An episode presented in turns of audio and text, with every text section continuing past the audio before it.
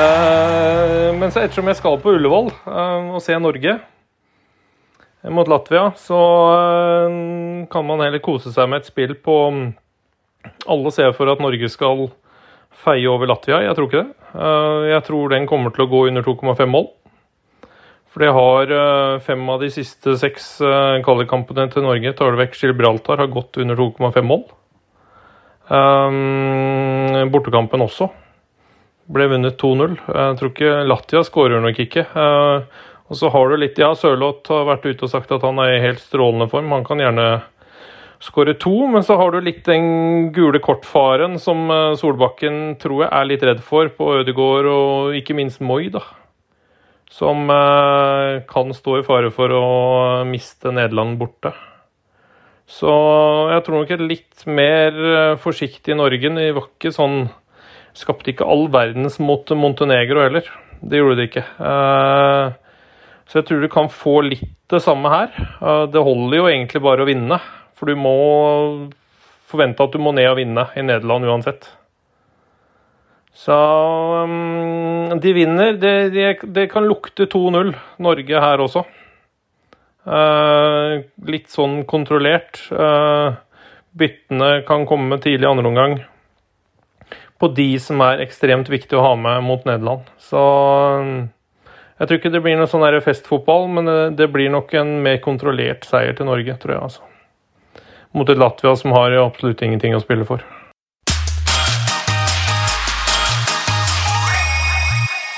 Ja, det er jo litt synd, for jeg starta jo forberedelsene med å med, Hadde et kjempespill, syns jeg, på Fleetwood pluss 0,25, men så så jeg at den kampen ble uh, flytta på litt kort varsel, så den ble jo eh, forkasta. Eh, har to spill, ja. Det første er rett og slett Da skal vi til Englands fineste by.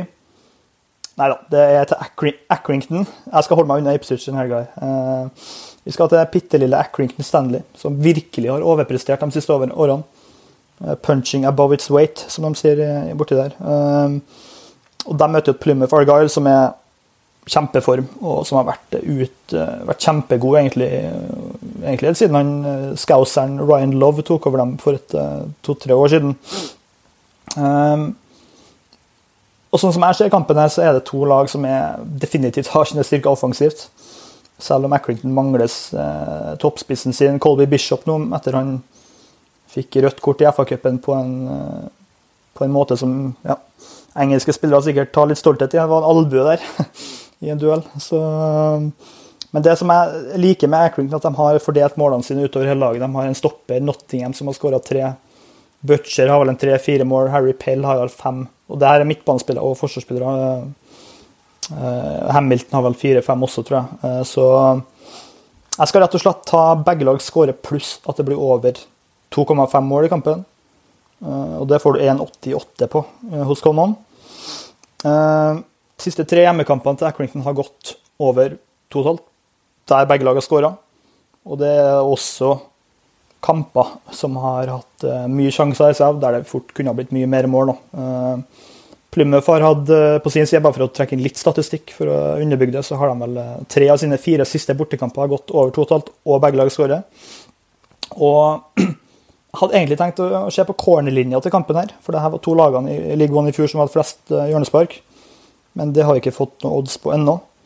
Men uh, jeg så litt på, lag, på, på, lagene her i fjor da de møttes. og Den ene kampen, den 2-2, det var på sørkysten i Plymouth. Da var det 32 avslutninger av kampen, som må sies å være ganske mye. Til, I hvert fall eh, lavere divisjoner. Og i kampen som var i Accrington, så var det, det 1-0 til bortelaget, men det var 29 skudd og 12-13-14 cornerer i kampen og masse sjanser og, og, og sånt. Og eh, ser begge lagene her er rimelig høyt expected goal-statistikken. Nå ser vi også at Plymouth har fått tilbake ja, nøkkelspilleren sin fra i fjor, Danny Mayer, som har begynt å spille seg litt inn igjen. Han er nok med til kampen her. Og, ja, så jeg ser egentlig måten de her to lagene spiller på, står til hverandre. ser jeg ikke noen grunn til at vi skal få noe defensiv tilnærming, eller at noen av lagene skal ta ekstra hensyn. Eh, det er to lag som har sin måte å spille på. Har hatt samme trener, begge lagene, over en god stund nå. få utskiftninger i troppene i sommer. og Begge lagene var involvert i masse mål i fjor. Plymouth slapp jo nesten inn to i snitt. Og Accrington hadde ja, godt over 60 og både baklengsmål og skåringer i, sin favør. Så måten lagene står til hverandre på, så ser jeg definitivt for meg at vi kan få skåring av kampen her. og Personlig vil jeg kanskje Jeg tror for, tror for 1,53 på begge lag skårer. Og da syns jeg begge lag skårer pluss eh, over totalt mål til 1,88 er høyt, da, for å være helt ærlig.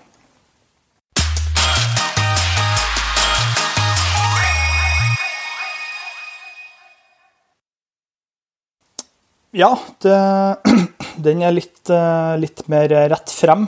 Det er rett og slett eh, Da skal vi til, til Yorkshires stolthet, da. Sheffield Wednesday. og da skal vi ta rett og slett et spill på at Gillingham ikke skårer mål i kampen, til 2,20 i odds. Sheffield Wednesday de har jo eh, stjålet jo manageren til Doncaster i fjor, Darren Moore. Tidligere West Bromwich-manager, som var gammel, god, sterk midtstopper i sine dager. Veldig veldig fokus på det defensive. Det er det laget jeg har sett på Portman Road mot Ipswich som har sluppet til minst. Uh, og Den kampen endte jo 1 igjen pga. at tidligere Leeds-spiller Peacock Farrell, keeperen, slapp ned ballen 89 minutter slapp han ned ballen foran seg for å gjøre et utspill, og så kommer spissen Tiptic bak ryggen på ham. Og det resulterer i skåring. da. Så, mange av baklengsmålene til, til Sheffield Wednesday har kommet på, på litt sånn uvørent vis. De er veldig veldig tight bakover og sluppet inn uh, kun fire mål på sju kamper hjemme i år. Har uh, tror fire clean sheets også inn, inn i det her. De har bl.a. holdt null mot Plymouth, de har holdt null mot Sunderland, så er gode til å, til å mure igjen. Og de er spesielt gode da, mot lag som, er, ja, som spiller på deres premisser, kan du si, med mye innlegg, lange baller. Og det er jo det er akkurat det Gilliam står for. Uh, uh, kanskje den mest ufyselige treneren i hele Football League, Gillingham, Steve, Steve Evans, som uh, Eh, var også en kort tur innom Leeds der og mista en drøss med nøkkelspillere i sommer. Har skåra så vidt under ett mål i snitt borte. Eh, og syns det ser veldig tannløst ut, det laget der. og ja, og bare for å avslutte på, på Sheffield Wednesday, de har jo et, en keeper, Peacock Farrell, som Torstein kjenner til, som sto en del kamper for Leeds i, i Championship. De har et helt forsvar som har spilt massevis av kamper, over 100 kamper hver i Championship. Høyrebacken uh, Patterson for Cardiff spilt masse kamper i Premier League.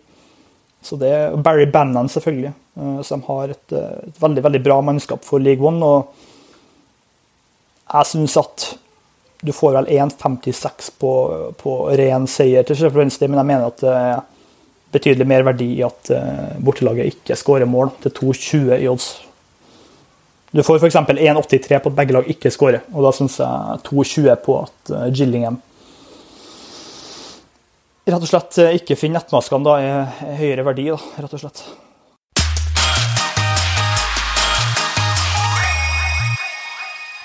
Jeg har spill, vet du. Jeg, tok jo et landskampsspill til slutt.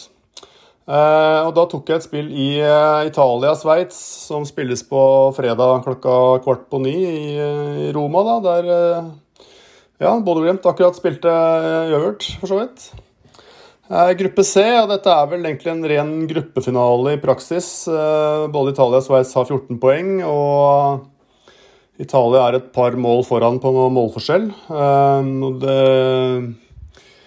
ja, til uka så har Italia en bortekamp mot Nord-Irland, Sveits har hjemmekamp mot Bulgaria. og dette er vel egentlig en, sånn, en ren gruppefinale om hvem som tar førsteplassen og hvem som blir nummer to. Det er ingen av de lagene som kan tas igjen av noen heller. Så det er nesten ikke all verden å tape på å våge litt her. Uh,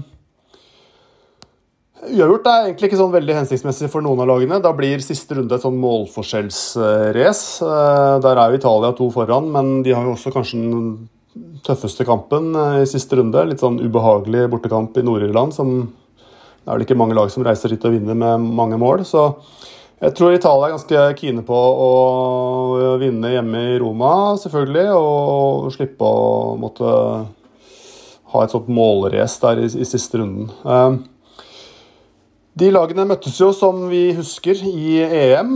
Eh, I gruppespillet der. Eh, det var også på Olympiastadion i Roma, og da vant Italia veldig komfortabelt 3-0 etter to mål av Locatelli og ett av Immobile. Eh, Sveits skapte ingenting i den kampen. De hadde ingen store sjanser. De skapte knapt XG og hadde vel én avslutning på mål.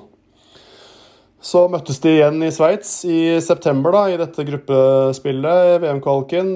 Spilte 0-0. Eh, Sveits hadde på godt norsk eh, griseflaks, egentlig. Skapte igjen ingenting mot Italia.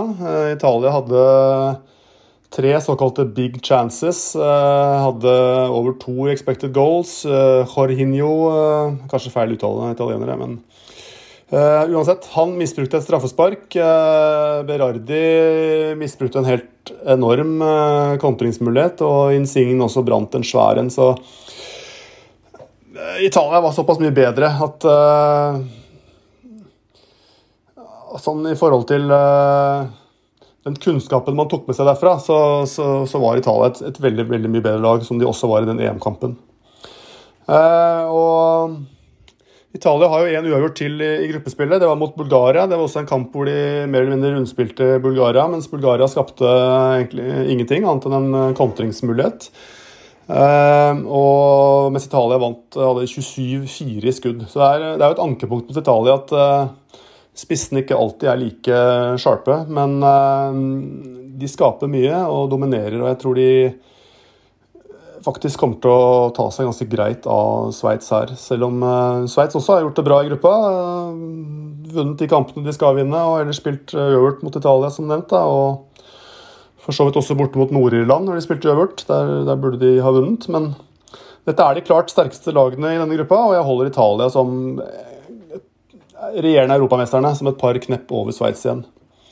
Så Italia mangler Kilini, som de vel erstatter med Bastoni. Det er jo et vesentlig forfall, den gamle, gode kapteinen der. Men uh, ser ut til at både Barella og Bonucci tilbake. Uh, så får man leve med at også Immobile og Sanjolo er ute. For det er, det er verre stilt hos Sveits. De mangler Elvedi, midtstopperen som var fast i EM, og som er fast på laget. Eh, de mangler både Suber og Granit Sjaka eh, på, på, midten. Og spissene Mbolo, Seferovic og, og Fasnacht er også ute. Og eh, er vel i hvert fall i hvert fall Super, Elvedi, Mbolo og Saka og kanskje også Seferovic hadde vel starta denne kampen om de var friske. Så det er et litt, litt sånn halvsvekket uh, Sveits der. Så jeg syns en uh, H minus 1 asiatisk, altså Pengene tilbake ved ettmålseier til Italia, mens uh, full gevinst til 2,08 odds ved Italia, flermålseier til Italia. da, Syns jeg er ja, blant de mer spiselige landskampspillene vi får denne helgen, da, i hvert fall. I det minste. Jeg finner ørliten verdi der.